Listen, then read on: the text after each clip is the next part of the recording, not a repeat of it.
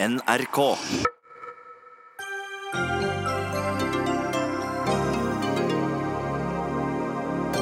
Kristelig Folkeparti har fått over 2500 nye medlemmer de siste ukene.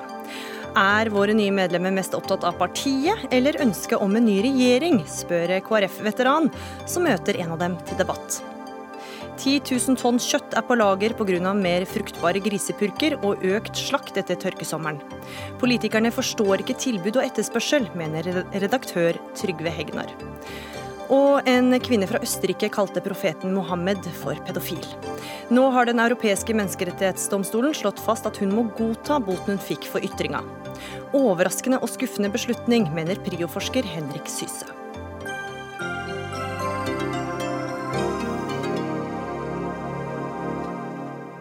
Ja, velkommen til Dagsnytt 18. Jeg heter Gry Veiby.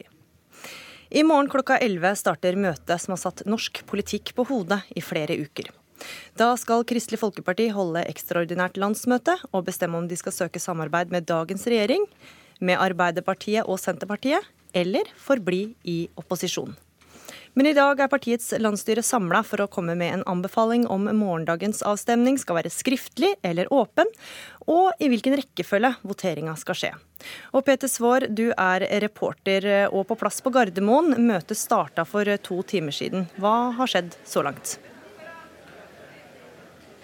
Nei, Du har jo for så vidt oppsummert det greit. Eh, de gikk inn i møtet rett ved siden av oss her ca. klokken 16 i ettermiddag. og Det som står på eh, dagsorden for eh, landsstyret, det er jo nettopp om det skal være en åpen eller en skriftlig votering, og også voteringsrekkefølgen. Det var jo et spørsmål landsstyret også har behandlet tidligere. Der stilte de seg bak ledelsens forslag om at man da skal ha en todelt voteringsrekkefølge, som det jo har vært mye strid om. Vi hørte både Hareide på vei inn si at han mente det var mest naturlig med en eh, skriftlig eh, eh votering. Han argumenterte med at eh, de delegatene som er valgt på, fylkesårsmøtene, har blitt valgt eh, med det som premiss. Eh, samtidig så sa Hans Fredrik Grøvan på vei inn, som er andre nestleder, andre parlamentarisk nestleder, at han mente det burde være en åpen votering. Han argumenterte for at partiet kan bli veldig splittet splittet dersom eh, man har en lukket eh, votering og man får et,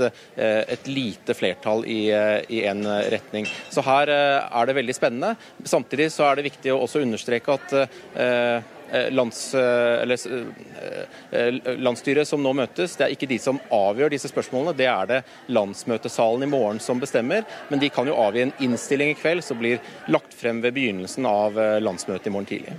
Hvordan merker du at det er mye som står på spill for de som er der? Det er klart at eh, det er en veldig spent stemning her. og Alle eh, som har eh, kommet hit til, til landsmøtehotellet på Gardermoen, vet jo hvor mye som står på spill. Så det er en, en veldig spesiell stemning, og folk er veldig spente. Og det er ingen som tør å spå sikkert hva utfallet av dette dramaet vil bli. Vi vet jo at Hareide mangler rundt fem delegater for å vinne frem med sitt syn om å gå i regjeringsforhandlinger med eh, Senterpartiet eh, og Arbeiderpartiet. Og Spørsmålet er jo om han vil klare å få de fem delegatene. Han har selv ikke gitt opp håpet om det, og har et håp om at det er usikre delegater, bl.a. i sentralstyret, og enkelte blå, valgte blå delegater fra fylkespartiene som kan tenke seg å snu. og er det flere enn fem som snur, så kan Hareide fortsatt vinne. Mm. Peter Svaar, eh, reporter, takk for at du var med i Dagsnytt 18. Eh, vi har også med oss politisk kommentator Magnus Takvam. Eh, og Takvam, vi hører altså at det er flere ting som står på spill i dag. og Landsstyremøtet skal også ta stilling til det, altså hvilken rekkefølge morgendagens votering skal skje. Hvorfor er det viktig? Nei, Det er jo noe Grøvan og Steinar Reiten som står for dette mellomalternativet om å forbli i opposisjon eh, resten av perioden. De argumenterer for at eh, landsmøtet bør få anledning til å vise sine primærstandpunkter, og altså da votere over det forslaget på lik linje, slik at man ser hvor mange som støtter rød, blå og denne gule varianten i midten. Jeg for min del tror ikke det eh, får flertall, altså å endre det til en sånn måte å stemme på. Fordi selvfølgelig både rød og blå side Eh, er først og fremst opptatt av at de vinner. Og dermed har ikke noen av de to sidene interesse av, tror jeg, å, å la dette bli sidestilt. Men det, det, det, vil jo vise seg. Men derimot, når det gjelder punktet om skriftlig eller såkalt hemmelig votering, så er det mer kamp på kniven. Der kan man ikke helt eh, vite hva flertallet lander på. Og Hva er argumentene i den saken da, Takvam? Nei, altså For det første så mener jeg, og de fleste andre tror jeg, at man argumenterer ut fra det man tror tjener sin sak best, for å si det sånn. For det er gode og relevante argumenter på begge sider.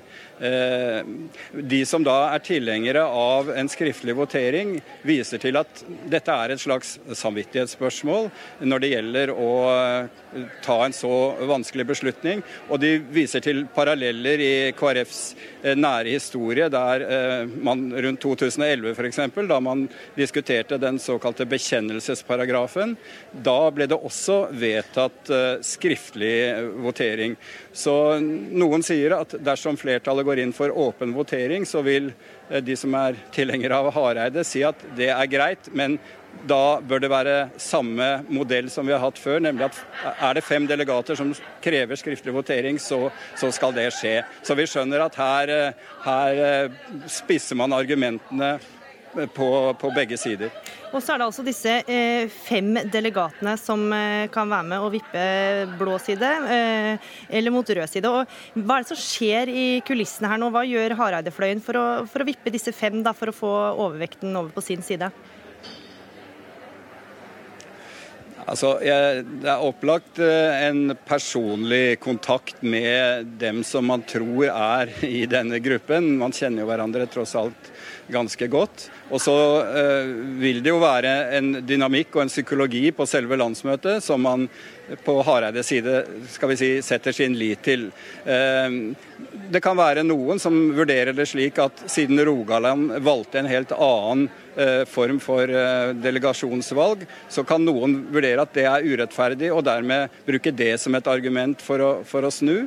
Og så er det tross alt en del som er usikre, og som gjorde, ga uttrykk for det på, på, sine årsmøter, at hvis de ble presset til å velge, så valgte de da f.eks. blå side. slik at det er nok en, et potensial her, men eh, også Hareide innrømmer jo at sannsynligheten for at han, hans syn vinner flertall, er, er eh, mindre enn det motsatte. Mm. Og dette møtet er beramma skal være ferdig til åtte. Hva, hva tror du sannsynligheten for det er? Nei, Det tror jeg de holder. Eh, de skal diskutere de tingene vi har vært inne på nå, men så skal de også drøfte litt skal vi si, løpet videre etter fredag 2.11. Eh, tidsfrister for eh, eventuelle regjeringsforhandlinger med den ene og den andre siden. Og hvordan prosessen da etter hvert skal forankres i partiet. Hvor mye landsstyret skal være inne og godta skisser og utkast og den typen ting. Eh, så det er litt å snakke om, eh, også i tillegg til det, det vi nevnte om selve prosessen, prosedyren på, på, på landsmøtet i morgen. Vi skal komme tilbake til deg litt seinere i sendinga. Takk så langt, Magnus Takvam. Og vi skal holde oss til Kristelig Folkeparti.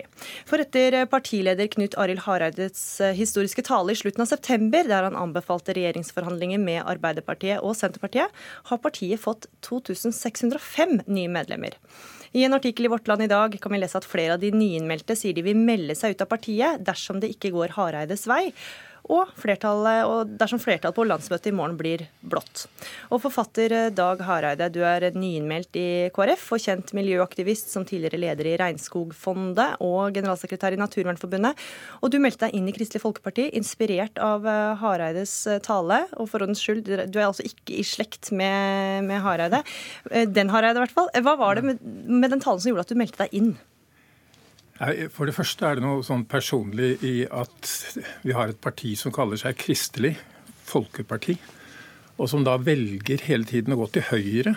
Altså, altså Uansett hva du sier om det er mye bra folk i Høyre, men, men det er partiet for de rike arbeidsgiverne. Istedenfor å gå til de folkelige organisasjonene, altså arbeiderbevegelsen, fagbevegelsen, bøndenes og distriktenes organisasjoner. Men ved siden av det så er det de sakene jeg sjøl har kjempet for. Det som jeg syns er aller, aller viktigst i verden. Det ene er naturen. Og eh, ikke bare det at vi, vi kan risikere klimakrise, men det, det vi allerede gjør. Altså Vi har f.eks. ødelagt så mye natur at halvparten av alle ville virveldyr, altså fugler og pattedyr, har forsvunnet i løpet av 40 år. Mm. Og det andre, mm. bare for å få med det, det er de store forskjellene i verden. Altså For meg drikker jeg eh, en, en, kopp kaffe på Kaffebrenneriet, så tilsvarer det fire daglønner for verdens fattige befolkning. Det er de store spørsmålene, og med dem går du ikke til Høyre og Fremskrittspartiet. Da går du til de rød-grønne. Men hvor viktig var det at KrF skal ta et veivalg da, og, og Hareide ville at det skulle gå til venstresiden? Ja, klart det var viktig. Det altså, strategiske valget? Ja, ja. Helt åpenbart. Altså, eh, ikke sant? Altså, hvis du ser Miljøbevegelsen har jo eh, vurdert partiene eh, stadig vekk. Og det som alltid kommer dårligst ut, er Fremskrittspartiet. Det som som regel kommer nest dårligst ut, er Høyre. Og hvis du ser på fordelingen i verden altså Kristelig Folkeparti gjorde en bra jobb i Stortinget med å redde f.eks. regnskogsbevilgningen. De stoppet Høyres forslag om å kutte to tredjedeler av støtte til frivillige organisasjoner. Så det var også strategisk valg? Det... Ja, for, for, de sakene som jeg tror på. Mm. Og så tror jeg faktisk at det kan skje noe veldig spennende når Kristelig Folkeparti setter seg sammen med Arbeiderpartiet, Senterpartiet og jeg tror også SV, hvis vi jobber med ting som skolepolitikk, forholdet mellom teknologi, menneskeverd og rettferdighet der tror jeg det kan skje veldig ting, for det, der mangler alle partier ting. Og da må det ikke knytte seg til teknologiromantikerne på høyre side. Robert Wright, du er eh, KrF-medlem, har vært det i 47 år, og sentral eh, kommunepolitiker i Oslo. Og I et innlegg i Aftenposten 15.10 skrev du at sitat, det er grunn til å spørre partilederen om man ikke ser hvordan KrF nå stiller seg åpen for en eh, infiltrasjon av ikke-KrF-ere for å få en ny regjering. Var det da nye medlemmer som Dag Hareide du tenkte på? Ja, det kunne være han, det kunne være andre. Eh, nå tror jeg det har gått ganske bra. Jeg. Og jeg syns det er kjempefint at Dag Hareide eh, har pinpointet noe av det han sa nå, i forhold til å si at jo, dette er noe av det han ser i KrF. Og at han har en plass i KrF, det syns jeg absolutt han har. Eh, og Jeg håper at han skal være med og bidra videre, selv om vi da i forhold til akkurat dette spørsmålet nok ramler ned på hver vår side. Så jeg tenker at dette kan jo brukes positivt til å vitalisere partiet også. For det er jo noe av det som jeg tenker er det positive, tross alt, i denne prosessen. Selv om vi liksom er ganske kritisk til selve prosessen og på en måte den, den kløften som på en måte er bygget nå. Men kan vi bygge en bro over det og hente ut disse gode tingene i det som har kommet fram, så, så er det det gode. Men så får vi høre da, Hareide. Hva skjer om eh, partiet du har meldt deg inn i velger å gå den veien Wright vil, altså mot Høyre? Ja, altså Hvis Kristelig Folkeparti går i regjering med Fremskrittspartiet, det var det eneste de sa helt tydelig. Altså De sa de foretrakk eh, Erna Solberg sånn, men det er ikke, ingen garanti for at de ville støtte henne hele tiden. Mm. Men det de sa helt tydelig, aldri i regjering med Fremskrittspartiet. Det er klart mange vil melde seg ut.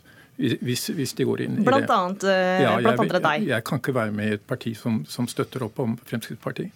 Bare tenk deg, altså de, Fremskrittspartiet, hvis du jobber for miljø, de sitter på Samferdselsdepartementet, Finansdepartementet, Olje- og energidepartementet, eh, landbruk og fiske. Alle de viktige ja. departementene for men, miljøet. Bright, hva syns du da om hans medlemskap, hvis han da skal melde seg ut? Hvis det ikke går den veien da, han vil? Da må jeg bare forklare han sannheten. For Politikk er jo ikke personer. Politikk er en dynamikk om saker. Og nå har vi da en mulighet, eh, gjerne med din kompetanse i dag, til å gå inn og se hva kan vi gjøre, i den grad med forbehold om at det går i en blå retning. da. Eh, for det politikk, og jeg har sittet sammen med Fremskrittspartiet og styrt også i Oslo, det er jo ikke personene, det er ikke partiprogrammene, men det er det vi får ut av det samarbeidet. Og, og, da forrykes også, i en ny regjeringssituasjon, så forrykes jo også hvem som sitter hvor, og ikke minst hva man skal mene om de forskjellige spørsmålene. Da tenker jeg, da Dag, kom igjen. Da er det jo en sjanse til å bevege Fremskrittspartiet. Det må jo være noe av det beste du kan tenke deg i forhold til å få tegnet en ny politikk i denne landet. Eh, kanskje, kanskje du ikke skal melde deg ut allikevel? Eh, nei, du må ikke finne på å melde deg ut for det. Det andre som er like viktig, som denne prosessen godt kan kritiseres for, det er jo at vi står midt i en periode. Denne debatten har tydeliggjort at KrF er delt omtrent akkurat på midten. Og, og sånn sett er et sentrumsparti, eh, på godt og vondt. Eh, det som er muligheten, det er jo den diskusjonen om du skulle tape nå, Dag, så er det en mulighet gjennom et par år. Da skal vi begynne å tenke på neste stortingsperiode. Hvordan skal det se ut? Hvordan skal vi lage politikk? Hvordan skal vi mm. bruke det KrF til å være et politisk verksted for å utmeisle ja, den politikken Hvorfor melde seg ut når de istedenfor kan være med å påvirke partiet, da? Nei, altså, Jeg tror det er en mulighet i morgen for å gå en riktig vei. Hvis Rogaland hadde vært så anstendig at de fylte uh, et rettferdig demokratisk system, så ville det vært ett mandat som manglet for, for uh, Knut Arild Hareide å vinne dette. Og jeg tenker altså Den gangen Kristelig Folkeparti var et folkeparti og hadde over 13 alle de folka som ledet Kristelig Folkeparti, de hadde samarbeidet med Arbeiderpartiet rundt statsbudsjettet på 90-tallet. De var et mellomparti. Så gikk de inn i høyresiden i 2001. Hvert eneste valg siden så har de tapt. Det er masse folk som nå har meldt seg inn, som tidligere har stemt Kristelig Folkeparti. Men fordi dere er en garanti for Fremskrittspartiet i regjeringen, så vil de aldri være med på det. Det må dere innse. Og det er et stort svik i forhold til det eneste dere sa dere ikke ville gjøre etter valget, nemlig å gå inn med Fremskrittspartiet. Du sier dere, men det er jo ditt parti nå, da? Ja, Nei, jeg snakker om han.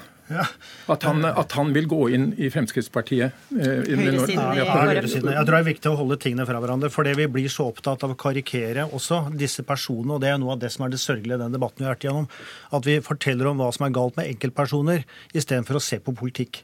Og den muligheten som ligger der jo, men Det er greit. Det handler om miljø, det handler om rettferdig fordeling. Jo, også rettferdig fordeling og barnefattigdom, som dere skriver fint om. Men hvem har monopol på å si hva som skaper hva? Det tror jeg også er en diskusjon som vi skal ta på et helt annet nivå. men, det men da må jeg spørre deg, Bright, da, hva om partiet nå uh, går mot venstre? Hva slags eh, KrF eh, får vi da?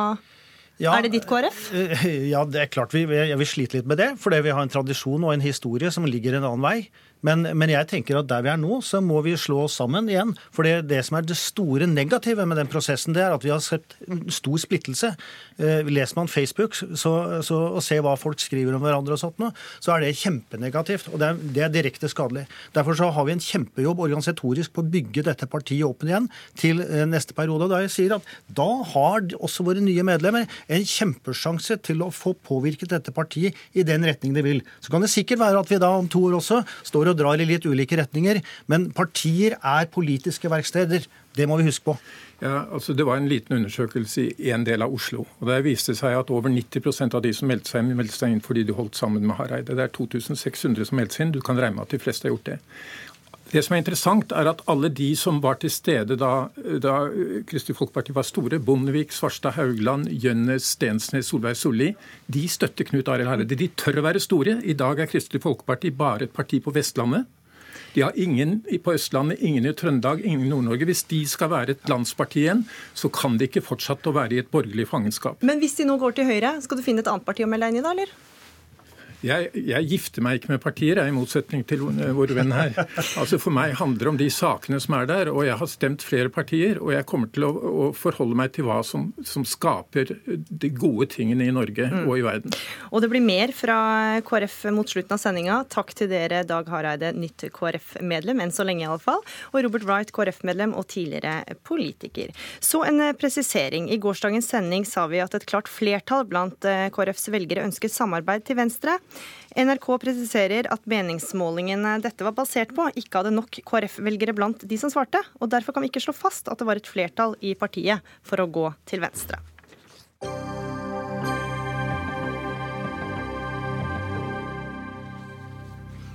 Norsk kjøttproduksjon går over stokk og stein. Nå er det fire ganger så mye kjøtt på lager som i fjor.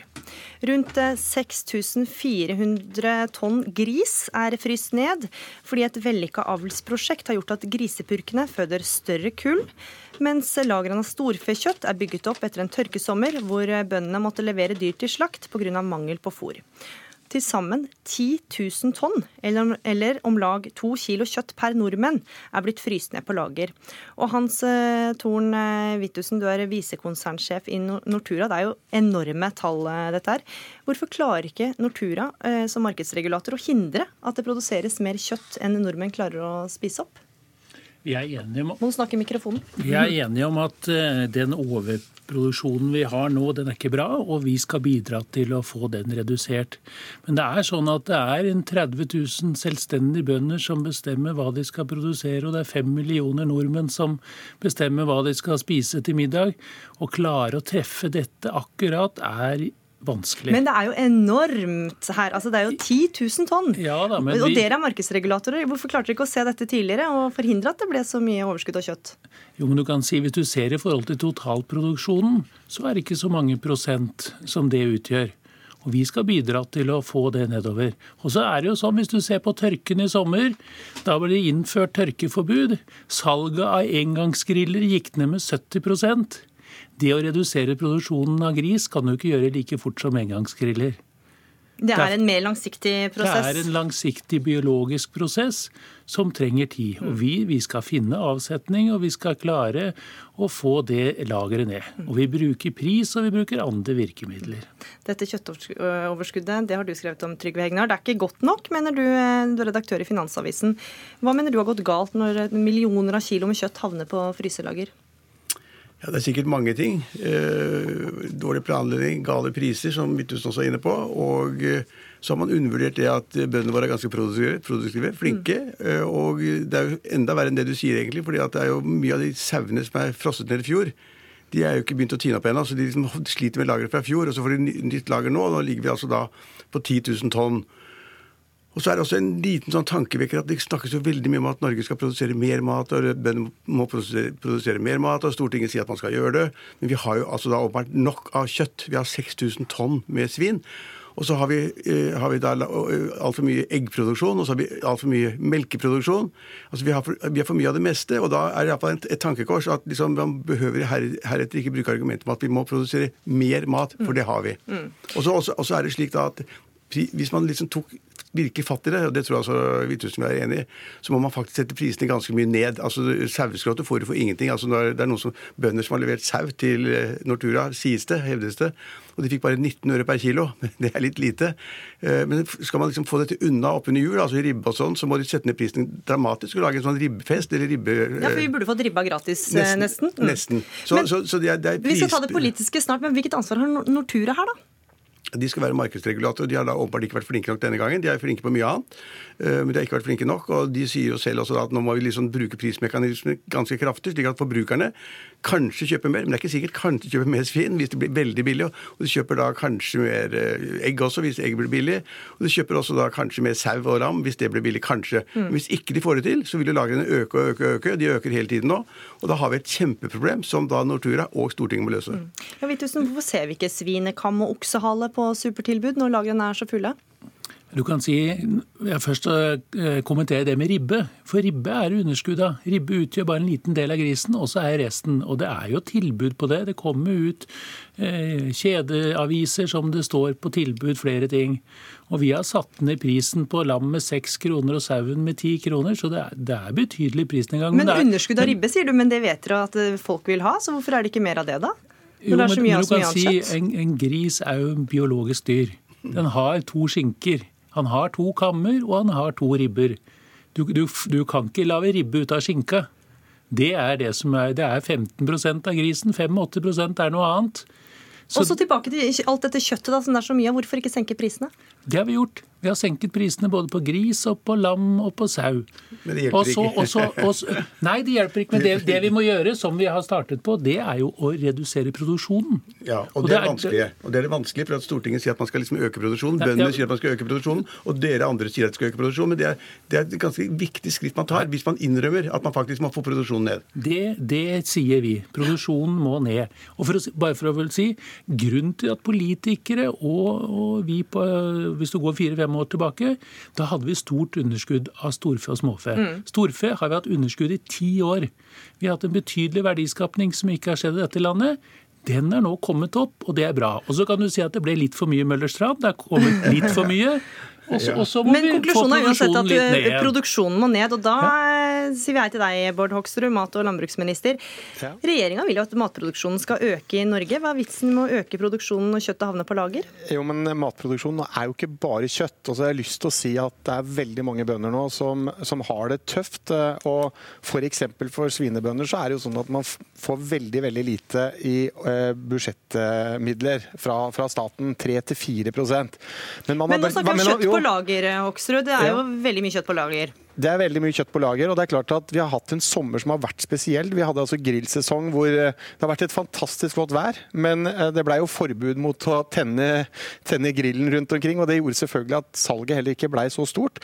Men det er jo ikke tvil om at bonden og, og næringa har eh, kjempe er veldig tjent og er veldig opptatt av dette sjæl, og ser hvordan man skal redusere. Fordi veldig mange taper mye penger nå og har det tøft nå, spesielt da innenfor svin og sau og lam. Men jeg har også lyst til å si det som det som også Nortura sier, at for, i 2014 og før det, så hadde vi også underskudd på sau og lam. Nå har vi fått et stort overskudd, og da må man jobbe for å få det ned. Eh, og Derfor har også regjeringa sammen med organisasjonene i landbruksoppgjørene de siste åra også sørget for at tilskudd og, og, og, ting som stimulerer til mer vekst i de næringene her, det har man ikke fått eh, f.eks. jordbruk, jordbruksoppgjøret i år, nettopp fordi at vi må redusere produksjonen. Mm. Men regjeringa har altså åpna for økt import av storfekjøtt fra EU uten toll. Fra 900 til 2500 i år, og nå er over 2000 tonn norsk storfekjøtt på lager. Ville regjeringa økt importkvoten i år dersom dere visste at det ville bli et overskudd av kjøtt? Nå er det sånn at Storfe så har vi underskuddet i Norge. Og så er det sånn at vi inngår internasjonale, internasjonale avtaler. Vi er et lite land som er avhengig av å handle med andre land. Dette er avtaler som er inngått eh, over mange år, men vi, den siste avtalen vi inngikk med EU f.eks. på artikkel 19, så sørger vi for at ikke ikke eh, sau og lam, eh, importkvotene, skulle øke nettopp fordi dette. Men jeg har også lyst til å peke på, fordi noen vil jo at ikke vi skal importere noen ting igjen. Men da har jeg lyst til å peke på at f.eks. Island var et av de landene som vi har importavtale med gjennom handelsavtaler. Men det er altså et av de landene som virkelig hjelpte norske bønder i sommer eh, og nå i høst med å få tak i nok grovfôr for å, å, å kunne klare å sørge for at vi kan ha dyra. Og så har det måttet være en del dyr som har måttet bli Eh, slakta i sommer, som også har selvfølgelig fått konsekvenser for det vi ser nå. Men eh, det er ikke tvil om at vi er nødt til å se hvordan man skal få til dette. og Der har næringa og Nortura, som har markedsregulator, en kjempeviktig jobb. Og det er de som må sørge for at vi kommer eh, og får, det, får dette på, på, plass nå. Hegnar, du skriver at politikerne ikke forstår tilbud og etterspørsel når de fleste partiene vil øke matproduksjonen. Men hvor lett er det egentlig å regulere i et marked der du må tenke så langt fram i tid, da? Ja, men det er et godt spørsmål. Altså, Stortinget skal jo egentlig ikke bry seg om tilbud og etterspørsel. Det skal markedsregulatoren gjøre, og aktørene i markedet. Og de er 30 000-40 000 bønder, så, så, egentlig er det litt sånn retorisk spørsmål fra min side. Jeg tror, bare, jeg tror, bare, at det er viktig å få frem at de skjønner ikke sammenhengene. Det er ikke bare det at vi har altså da 10 000 tonn med kjøtt på lager. Vi drukner jo i melk. Ingen som snakker om det. Altså Nesten 10% av melkeproduksjonen i Norge er egentlig for mye. Og For å bli kvitt den melken, for du og jeg drikker ikke så mye, og Bittusen drikker heller ikke så mye, så må vi da lage jarlsbergost, og så må vi dumpe det til halv pris i USA. Og det er jo helt skrullete. Eh, så egentlig burde man tatt da melkeproduksjonen kraftig ned. Eh, det har man ikke fått til ennå, men da har Tine sagt veldig fornuftig at det er så mye melk i Norge, og vi får ikke laget den jarlsbergosten vi egentlig vil lage, som vi skal selge i USA. Vi flytter hele produksjonen, eller nesten hele produksjonen til Irland. Så bygger de en fabrikk til 700 millioner kroner, og så lager de jarlsbergost på Irland, som de skal, skal, selge i USA og i Europa. Så vi har altså, Det viktige poeng er at vi har for mye kjøtt, vi produserer melken vi trenger, vi finner på rare konstruksjoner og gir billig ost i andre land for å bli kvitt melken osv. osv. Og, og jeg er jo veldig glad for, det er jo paradoks, at vi faktisk har litt import av av da storfekjøtt også avgiftsfritt, tollfritt, slik at man kan se da på en måte hvordan det fungerer. Og det, så vidt jeg vet, så er Nortura også blant de som kjøper det kjøttet fra utlandet og selger det. Så alle er fornøyd med litt, litt, litt import. Men, men, hva burde Hoksrud gjøre da, f.eks.?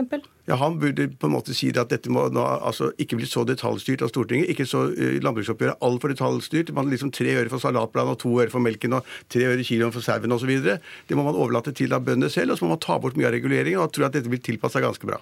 Hoksrud, du smiler. Ja, jeg, jeg Fremskrittspartiet og, og, vi er jo opptatt av å se hvordan man kan forenkle, hvordan man kan gjøre ting enklere. Og så er det sånn at Litt av utfordringen er jo faktisk også at det er, det er forbrukerne og kundene som også bestemmer hva de vil spise. og Det er en trend nå at flere velger å gå over til eh, veganmat og ikke spise kjøtt f.eks. Eh, Men de har vel ikke skylda for 10 000 tonn nei, eh, med kjøtt på fryselager? Nei, nei, de har ikke det, men ikke det har vært en vekst der over mange år. og Nå har den veksten stagnert og, og faktisk gått litt tilbake. og Det gjør at man får en utfordring når man da altså har hatt underskudd, og så har man tatt høyde for at man skal oppover. og så er det litt som Nortura også sier sier. Det er jo ikke sånn man får gjort om og stoppa dette uh, i, i, dag, liksom. Det tar tid uh, å endre dette her. Og som jeg sier at uh, prisene har gått kraftig ned, bøndene får mindre penger. Og jeg har god dialog og har utfordra også dagligvarebransjen rundt dette med lam og sau, som var en utfordring litt tidligere også, på hvordan de kan være med å bidra til å profilere dette. Og så må Nortura tenke kan man gjøre noen smarte grep for å, å lage nye typer produkter og gjøre det attraktivt for kundene å velge, velge produktene. Eh, så jeg er overbevist om at man kan klare å øke omsetninga og få solgt mer. Fordi kundene er der ute og de vil ha det. Jeg var eh, senest i går i en av dagligvarekjedene i en butikk og fikk høre hvordan man jobba i forhold til eh, norsk matproduksjon og hvordan man skal selge norske produkter. og Det er en stor vilje der ute, og kundene vil definitivt ha det. Så her er det litt begge deler. Men skal vi få, få alt kjøttet ned, så må vi jo spise veldig mye framover. Og Vitusen, hva skjer med alt dette kjøttet nå? Når går det ut på dato? Det vi gjør, er jo å rullere dette. Så noe, noe, kommer vi til å selge. Vi har satt ned prisen en gang. Vi jobber med produktutvikling, sånn som statsråden sa. Vi har utviklet hverdagslam, som er forskjellige produkter, så du kan få fersk lam hele året rundt. Vi har fårefrikassé, som har blitt en ny på, på, sau, og vi har jobbet med nye produkter på, på gris for å møte forbrukerens ønsker. Så, men det kommer ikke til å bli destruert eh, alt? Eh, for det kommer ikke til å være ekstra kjøtt der? Vi kommer jo ikke til å klare å spise på alt dette kjøttet? Nei, det vi først og fremst tenker på, det er å redusere produksjonen. Skape et lite underskudd. Så hva skjer med kjøttet som er på fryselagrene nå, da? Jo, men hvis jeg får snakke ferdig. Skape et lite underskudd og så selge ut det underskuddet for å dekke markedet. Og det rekker man innen eh, fristen går ut? Ja, så vi rullerer vi eksporterer noe, ikke fra det som ligger der, men noe av det andre som sauen, for den er så lav nå at den, den, kan vi eksportere til ordinære priser. Så vi gjør tiltak for å få dette. Storfe er det underskudd av, så det kommer vi til å selge ut ordinært utover i 2019. Men lammefrikassé kan man uh, kjøpe med din uh, velsignelse. Men, men, jeg har lyst til å bare si en ting. Altså, det, er, veldig det, det, det, er veldig sjelden det er så enkle løsninger som faktisk er ganske sikre. Antall sauebønder må ned, antall grisebønder må ned. Da blir det bedre. Trygve Hegna, redaktør i Finansavisen, Hans Torn Wittusen, visekonsernsjef i Nortura, og Bård Hoksrud, landbruksminister, takk for at dere var med i Dagsnytt 18.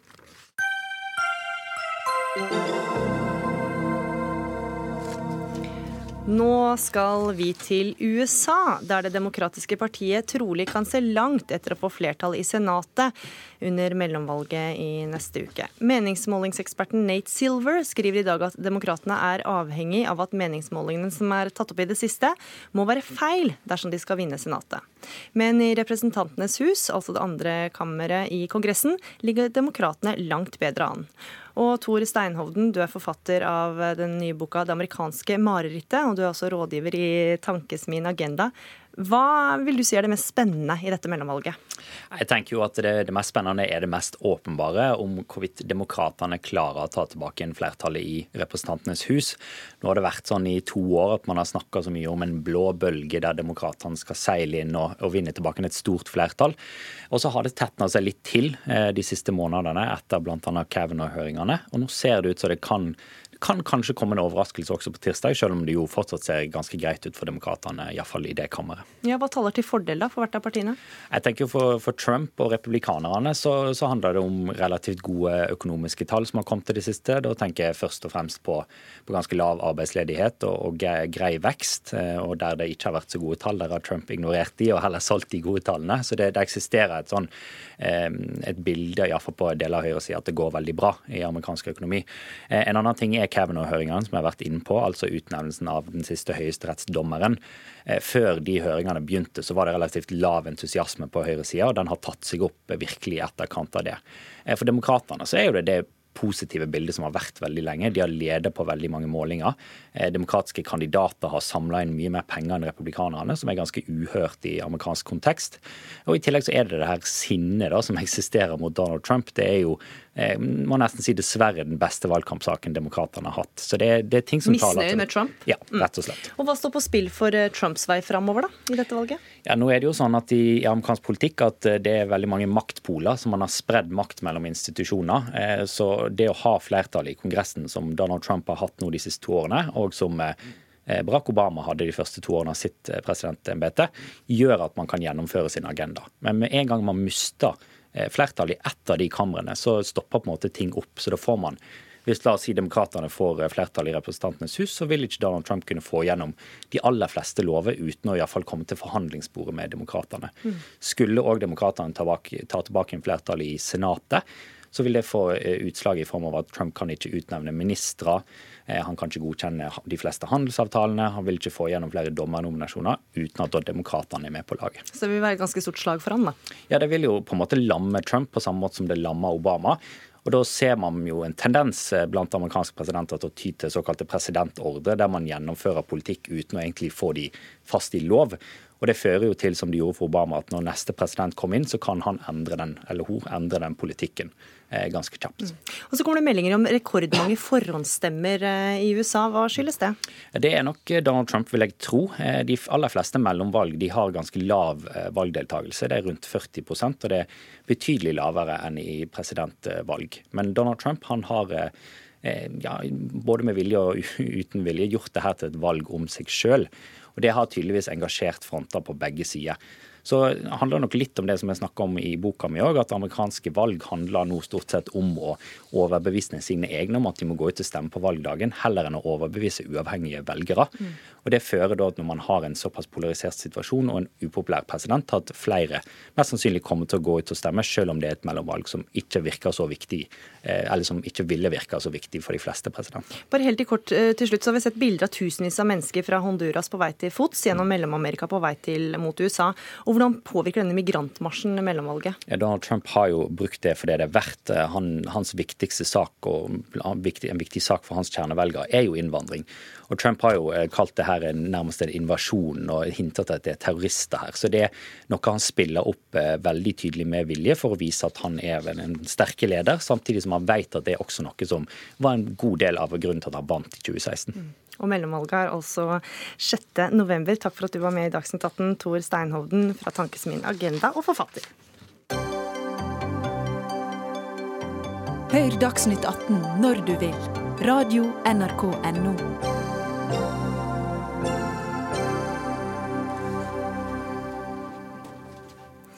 En 56-åring og en 6-åring, hva kaller vi det om det ikke er pedofili?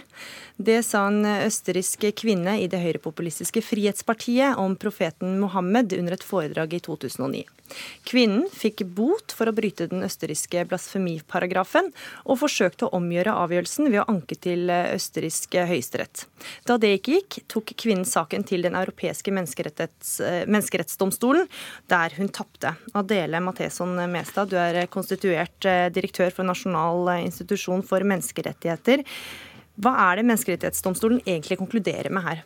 Nei, altså Helt konkret så konkluderer de jo da, som du sier, med at dette denne blasfemiboten som denne kvinnen fikk, eh, ikke, et, eh, ikke, krenket hennes ytringsfrihet. Eh, men generelt så har jo denne saken reist en hel rekke debatter om ytringsfrihetens kår på religionsområdet. For det er en veldig kontroversiell avgjørelse, dette her? Det er en veldig kontroversiell avgjørelse. Eh, og det som kritikken går i, er jo om Menneskerettighetsdomstolen har lagt terskelen for lavt for å gjøre inngrep i ytringsfriheten på et ganske sånn svakt eh, grunnlag. Mm. For én ting er jo hva en statsdomstol avgjør. Hvorfor er det da ekstra alvorlig at det er, menneskerett, altså det er Menneskerettighetsdomstolen som tar dette standpunktet? Nei, ikke sant. Menneskerettighetsdomstolen er jo den autoritative, eller er jo den tolkeren av menneskerettighetsbestemmelsene for eh, alle mm, Europarådets medlemmer. Eh, så det vil si at det den sier om rettstilstanden i relasjon til én stat, vil jo også få betydning for tilsvarende saker mot andre land. Eh, så det er på en måte en måte å si noe om hvordan man ser på forholdet mellom, mellom religion og ytringsfrihet, da, mm. mer generelt. Mm. Henrik Syse, du er forsker ved Institutt for fredsforskning, PRIO, og du beskriver avgjørelsen til Menneskerettsdomstolen som overraskende. Hvorfor var den det? Nei, jeg trodde, og dette vet Adele, mer om enn jeg gjør, for du følger jussen nøyere. Men jeg trodde at dette var en ganske åpenbar sak ut fra det som står i menneskerettsdokumenter og konvensjoner i Europa. De skal beskytte nettopp retten til det som med den gamle formuleringen den norske grunnloven heter frimodige ytringer. Og da er jo nettopp det at religiøse følelser ikke skal krenkes, noe loven ikke faktisk skal bedømme noe ikke loven skal inkludere. Mm. Så jeg var ganske sikker på at hun ville vinne denne saken. Kanskje var jeg naiv sånn sett. Så vil jeg legge til at det betyr ikke at dette ikke er en interessant sak hva angår selve innholdet i uttalelsen. Jeg regner meg selv som en troende er aktiv i vår kirke. Jeg syns det er en god del ting som sies i samfunnet vårt som jeg reagerer mot, som jeg gjerne vil vi skal debattere. Så hvis man sier ja, ja, nå må man slutte med det der, jo, det er lov å reagere mot uttalelser. Det sier seg selv. Og jeg vil vel si at eh, denne kvinnens måte å argumentere på hva angår islam, er lite konstruktiv. Det syns jeg gjelder store deler av det vi ofte kaller det ytre høyre i Europa. Men det betyr ikke at vi skal bruke loven til å forby det. Og det har jo ikke minst med rettssikkerhet å gjøre. For hvis man skal bruke et såpass vagt begrep som religiøse følelser, ja, hva er det da det neste vi skal forby? Hvis noen skriver i et uh, ateistisk blad at de synes at kristendommen er aldeles idiotisk og Moses var en morder, skal jeg da reagere og få dem til å forby det? Jeg tror vi da beveger oss inn på en vei som er veldig lite konstruktiv og egentlig ganske farlig. Ja, for Hvilke konsekvenser kan denne dommen få? Den kan nok få den konsekvensen at en del blir litt forsiktigere med hva de sier. Det er jo en ganske åpenbar ting. Men det kan medføre også noe annet som går i stikk motsatt retning, nemlig mer polarisering. En eh, reaksjon fra den siden som her opplever at de får eh, domsapparatet mot seg, rettsapparatet mot seg, om at resten av samfunnet skjønner ikke hva vi sier. Du får enda større avstander, enda hardere fronter, i en tid hvor det vi trenger, er å kunne snakke snakke konstruktivt og ordentlig og kritisk med hverandre. Så jeg tror en dom som dette kan oppnå det stikk motsatte av det som nok egentlig er hensikten. Mm. Hvordan forklarer du at de falt ned på, på denne siden? Nei, eh, Det har jo vært en utvikling i Europa hvor eh, Menneskerettighetsdomstolen har vært utsatt for en god del kritikk for å blande seg for mye inn i nasjonalstatenes indre anlegger. Det har gjeldt på flere rettsområder. Det har gjeldt på asyl- og innvandringsfeltet. Og det har også, på, eh, også gjort seg gjeldende på denne type områder hvor det er snakk om sensitive vurderinger innenfor nasjonalstaten. Og det har vært en rekke reformprosesser hvor man har understreket dette med at det er nasjonalstaten som primært skal foreta disse vurderingene, og at Menneskerettighetsdomstolens prøving skal være subsidiær, som man kaller det. Den skal være i annen hånd. Uh, og denne Understrekingen av dette har nok ført til at domstolen har blitt litt mer forsiktig. Da anvender de det som man kaller for skjønnsmargin. At de sier at her har staten et ganske stort handlingsrom til å foreta disse vurderingene. I denne saken så sier de f.eks. at østerrikske myndigheter må, fordi dette er jo et politisk kontroversielt område, hun er tilknyttet et uh, veldig høyrepopulistisk parti, mm. uh, da må de være nærmest til å vurdere hvilke virkemidler som er best egnet til å bevare den religiøse fri, freden, da, som de sier på dette området. De er nærmere faktum på et vis. Eh, og det eh, er det jo mange som har vært positive til denne tilbakeholdenheten, egentlig. Og for nasjonalstaten skal eh, få være, litt i fred. Være i fred. Mm. F.eks. på asyl- og innvandringsfeltet så er det mm. mange som har ønsket dette. Det har vært en villet utvikling. Men nå ser vi jo hvordan det slår ut på andre områder, hvor man kanskje har et helt annet syn på de rettighetsspørsmålene som reises. For jeg er helt enig i det Henrik Syse sier, at dommen er jo problematisk av veldig mange av de grunnene som han peker på. Eh, men det er på en måte to sider av samme sak, egentlig. Eh, så det er nok litt det vi ser her. Og så snakket vi jo litt om at denne dommen er kontroversiell. Altså, Hvordan har den blitt mottatt eh, rundt omkring i Europa og verden for øvrig? Vet noe om det? Ja, Den har både vært kritisert i Europa av eh, gode, dyktige, kloke ytringsfrihetsforskere og akademikere. Den har jo også særlig vekket reaksjoner i USA, eh, hvor man stiller seg helt uforstående til at man kan gripe inn i ytringsfriheten på dette grunnlaget. I USA har jo ytringsfriheten et veldig veldig sterkt vern, så de stiller seg jo helt uforstående til at man kan komme til et sånt resultat i en europeisk domstol. Mm. Syse, tror du denne saken kan få noen konsekvenser for eh, blasfemiparagrafer rundt omkring? Ja, at de blir vekket til liv igjen? Eh, den får i gang diskusjonen om dem. Jeg tror jo det heller vil virke i motsatt retning. Eh, jeg har inntrykk av at det som er generelt konsensus blant veldig mange, er at denne type lover er ikke hensiktsmessige. Så håper jo jeg også at denne saken kan minne oss om den gamle politikerklisjeen. Det må være lov å ha to tanker i hodet på en gang. Det må være lov både å mene at vi trenger et bedre og roligere ordskifte om religion i det offentlige. Vi trenger å ha respekt for hverandre. Og vi må ha plass for det som er kontroversielt, fordi ytringsfriheten er så utrolig verdifull. Og det å klare å holde fast ved de tingene på én gang, og ikke se dem som motsetninger til hverandre, det er ikke lett, men det er uhyre viktig for jeg tror hele det offentlige ordskiftet i vår tid. Mm. Hva gjør denne saken med omdømmet til menneskerettsdomstolen? Nei, altså dette er jo bare en enkelt sak. Og nå gjenstår det jo også å se om den blir påanket til et storkammer. Det kan jo godt tenkes. Eh, og så tror jeg vel også at man skal se dette Dette er et litt sånn avvik, vil jeg si, fra at domstolen stort sett gjør veldig gode vurderinger. Noen gang gjør de litt dårligere vurderinger, og dette er et eksempel eh, på det. Men også et poeng til det Henrik Syse var litt inne på. Det er jo et paradoks her, egentlig. Altså Denne damen hun snakket da til 20 personer i et rom. Og så uh, går man videre med strafferettslig påtale, denne boten, saken for Menneskerettighetsdomstolen. Og så plutselig så er hennes ytringer liksom spredd utover hele Europa.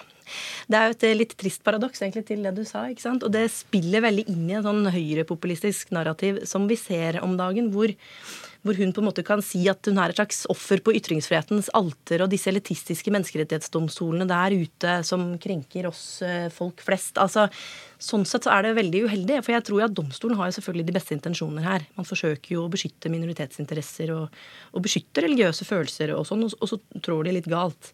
Men, men, men, så sitter man igjen et resultat som både utfordrer ytringsfrihetsvernet vårt, og som kanskje egentlig ikke heller gir minoritetene og, og, og, og muslimene, som, som, jeg er helt også enig i har en berettiget grunn til å reagere på disse ytringene.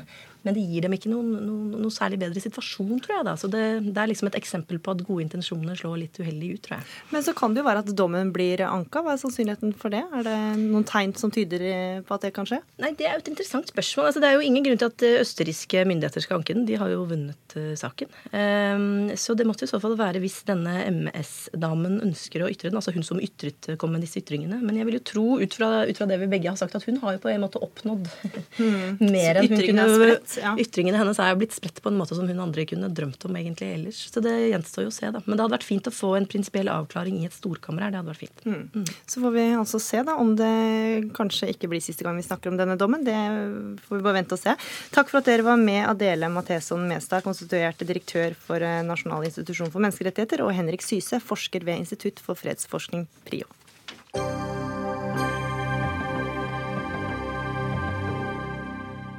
Vi skal tilbake til Gardermoen, der du er, Magnus Takvam fra KrFs landsstyremøte. Hva har skjedd siden sist du var eh, inne? Nei, Møtet pågår eh, fremdeles. og Det har jo vært noen som har vandret litt eh, ut og inn av møtet. Men alle er hemmelighetsfulle, så de har opplagt fått beskjed om ikke å røpe noe av det de har eventuelt besluttet seg for. Det, det må vi vente til møtet er slutt om en halvtime, times tid med å få vite. Det jeg for min del er mest spent på når det gjelder selve prosedyretingene som de skal snakke om, er som vi har vært inne på, om det fortsatt uh, blir flertall for å ha en skriftlig hemmelig votering eller en åpen votering. Det, det kan uh, være utslagsgivende rett og slett uh, for noen marginale stemmer av delegatene. Mm. Og Hele dette veivalget har jo åpna igjen spørsmål om uh, abort, hele abortstriden. Hva er det å si om denne saken nå? Nei, Som vi har lagt merke til, så har jo eh, regjeringen Erna Solberg og eh, Kjell Ingolf Ropstad og Olag Bollestad, som er tilhengere av å forhandle med Erna Solberg, begge profilert eh, den saken veldig høyt. og da på en måte skapt seg en fallhøyde dersom de skal forhandle med Erna Solberg og til slutt kanskje ikke får det gjennom. Både Venstre og Frp-representanter har jo sagt at dette langt fra er sikkert. Men sånn som jeg i hvert fall har forstått, forstått det, så har Erna Solberg eh, vil hun bruke sin tyngde og ha på en måte, tror jeg, eh, en plan for det. Det ville være kritisk for, eh, for start på et regjeringsprosjekt om hun ikke leverer på det. Så det tror jeg hun har på en måte fått signaler om fra i hvert fall ledelsen i Venstre og eh, Frp om at det, det, kan bli endringer i abortloven som del av en plattformdiskusjon. Det er jo nettopp poenget for de som er tilhengere av å gå den veien, at det å gå inn i en flertallsregjering eh, gir et parti muligheten til å binde opp eh, Stortinget eh, hvis den ene saken er så viktig at de setter den øverst. Så Det er noe av, av bakgrunnen her. På nrk.no nå kan vi lese at Knut Arild Hareide møtte Jonas Gahr Støre eh, i et møte i går for å planlegge et raskt regjeringsskifte. Dersom det skulle gå Hareides vei, hvilke ulike scenarioer kan vi se for oss da? Det er klart, Dersom det går eh, den veien det ligger an til, eh, altså at det skal bli en eh, forhandling med, om en regjeringsplattform og eventuelt regjeringsdeltakelse da med Erna Solbergs eh, regjering etter hvert, så er det klart de har mye bedre tid.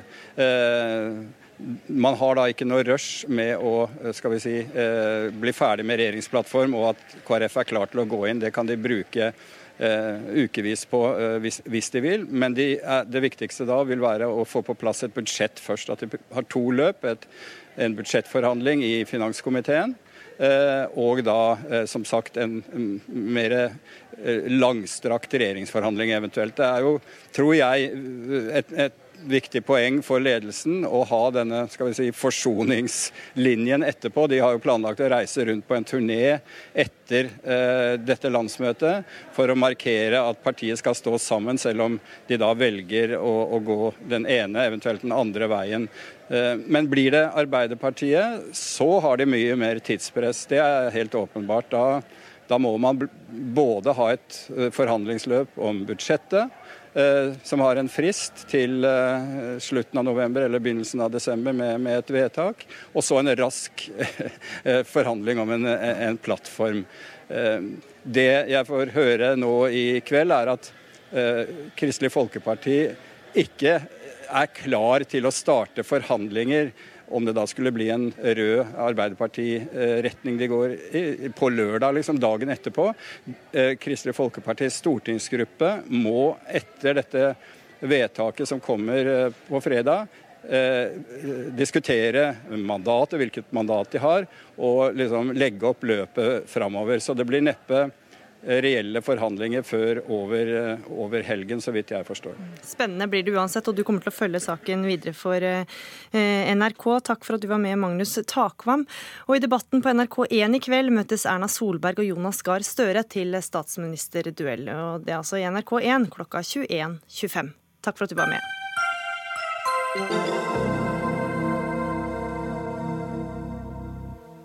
Tidligere i sendinga snakka vi om kjøtt, nå skal det handle om eh, fisk. Visste du at norsk oppdrettslaks lever på hvete, soya, erter og villfisk? Alt er råværer som mennesker kunne spist selv. Laksen spiser faktisk fem ganger så mye menneskemat som det den selv eh, blir til. Det viser en ny beregning gjort av Fremtiden i våre hender. Allikevel sier eh, paraplyorganisasjonen for eh, sjømat, Sjømat Norge, at norsk sjømatnæring skal bidra til å øke verdens matproduksjon, og at næringa er Norges viktigste bidrag til å nå FNs bærekraftmål. Anja Bakken Riise, du er leder av Fremtiden i våre hender. Det syns du er provoserende. Hvorfor det? Mm. Altså fordi Vi står overfor en enorm utfordring med å sikre hele verdens befolkning tilgang til mat.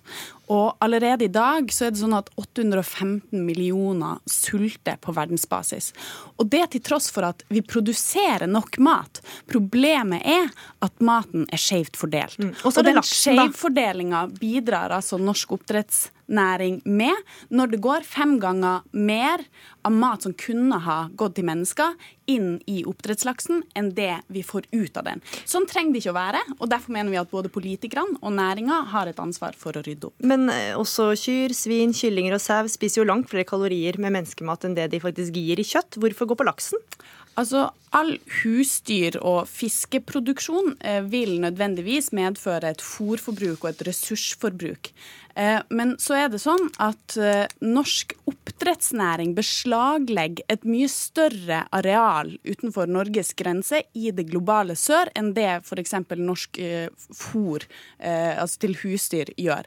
Altså Til oppdrettslaksen så beslaglegger vi 200, altså et størrelse tilsvarende 238 000 fotballbaner kun for, å fôre opp, arealet, mm. kun for å fôre opp norsk oppdrettslaks. Og sånn eh, går det ikke an å holde på all den tid vi har mange mennesker i verden som trenger eh, mat. Geir Ove Ystmark, du er administrerende direktør i eh, Sjømat eh, Norge. Du sitter og rister på hodet.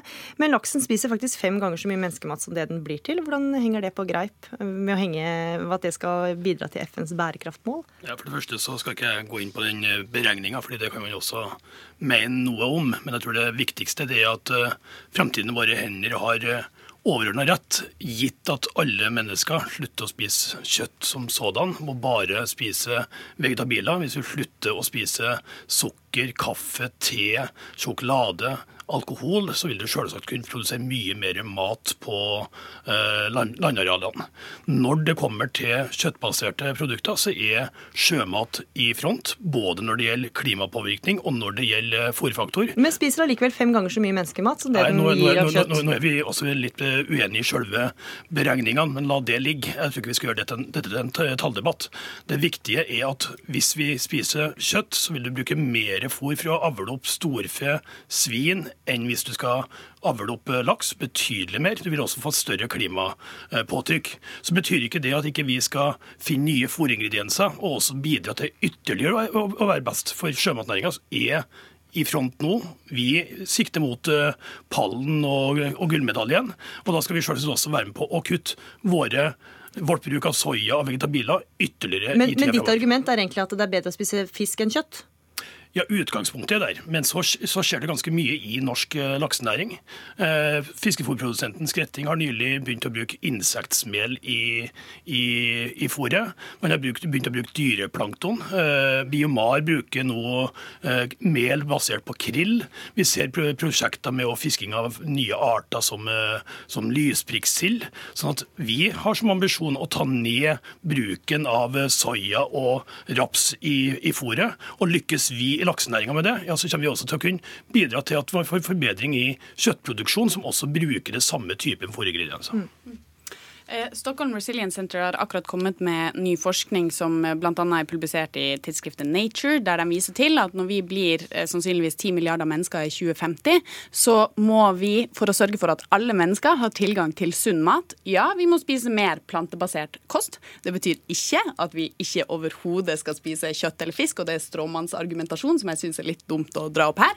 Men det betyr også at vi må kaste mindre mat, og så betyr det at vi må radikalt legge om på matproduksjonen vår, både husdyr og eh, oppdrett. Og det handler jo om å gjøre mer av det du sier avslutningsvis her, gå i den retninga at man bruker ressurser som ikke kunne gått til menneskemat. At de bytter fôrmetode. Bytter fôr. Mm. Ikke sant? Eh, og det er fint at du tar opp det, eh, at det finnes enkeltstående, eh, men foreløpig ganske marginale eh, prosjekter. Det må oppskaleres. Og her skulle vi ønske at næringa både kunne sette et mål som er ganske mye mer konkret, og tallfesta. tallfesta. Dere sier at dere skal ha en vesentlig andel av fôret innen 2030. Hva er vesentlig? Er det 20% Er det 40% Er det 60% Vi mener at alt fôret bør være bærekraftig innen Men- men- men- la meg ta- 2025. La la meg ta et helt annet eksempel. Går vi ti år tilbake i tid, så var det diskusjon om hvordan man kunne redusere bruken av marine oljer i, i fiskefôret. Nå har vi nådd det målet. Vi bruker svært lite marine oljer. Og så har vi fått en diskusjon knytta til hvorvidt eh, soya, raps, mais eh, heller bør brukes eh, til, til menneskeføde. Det gjelder selvsagt ikke bare laks, det gjelder i mye større grad den store globale produksjonen av storfe. Men det vi nå sier, er at OK, vi, vi får opplysninger om dette, så endrer vi på fôringrediensene. Og på samme måte som vi endra for ti år siden, så er vi nå kommet godt i gang. Og jeg synes faktisk at Framtiden i våre hender burde si at eh, dette er forbilledlig. Når en av verdens litt sånn tøffe og store matproduserende næringer stiller seg i front for å få mer myggmel, mer de, eh, eh, mer alger, mer tang, tare og høsting på trofisnivå, som gjør at vi faktisk får snudd, eh, snudd disse ingrediensene. Og så er vi i et godt utgangspunkt, og vi lover at vi skal være fremst også fremover. Og nettopp derfor er vi også ambisiøse i våre visjoner. Ja, altså Vi støtter som sagt retninga, men vi savner tempo og vi savner enda mer ambisiøse målsetninger. Og da kunne vi jo for så vidt også eh, Men det kan jo være litt komplisert, dette. Altså, du skal ta hensyn til fiskesykdommer, regelverk, om, fiske, om fôr gjør fisken usunn for mennesker osv. Er det ikke litt enkle og raske løsninger du vil ha? Nei, det ikke så veldig Ikke så raske løsninger. Og vi skal skynde oss sakte, fordi som eh, Ysmark her er inne på, så har man jo bytta ett problem med overfiske og fiskeolje over til et annet problemområde, som er soya, som fører til avskoging av regnskog, som fører til landkonflikt i Brasil, enorm sprøytemiddelbruk osv. Så, videre. så man skal være forsiktig at man ikke bare går fra ett problem til et annet. Men Du kan få svare veldig kjapt, for nå har snart vår tid over. Ja. Det vi bruker av ingredienser, om det er fisk eller om det er soya, så er det bærekraftsertifiserte produkter. Og så deler vi i framtiden våre henders mål om at vi skal utvikle fôrproduksjon enda mer, og det har vi lyktes med før, og det kommer vi til å lykkes med nå også. Og der er akkurat der er dere enige, da, at dere vil, eh, vil samme vei. Dere kan fortsette debatten utenfor eh, studio, for nå er Dagsnytt 18 over.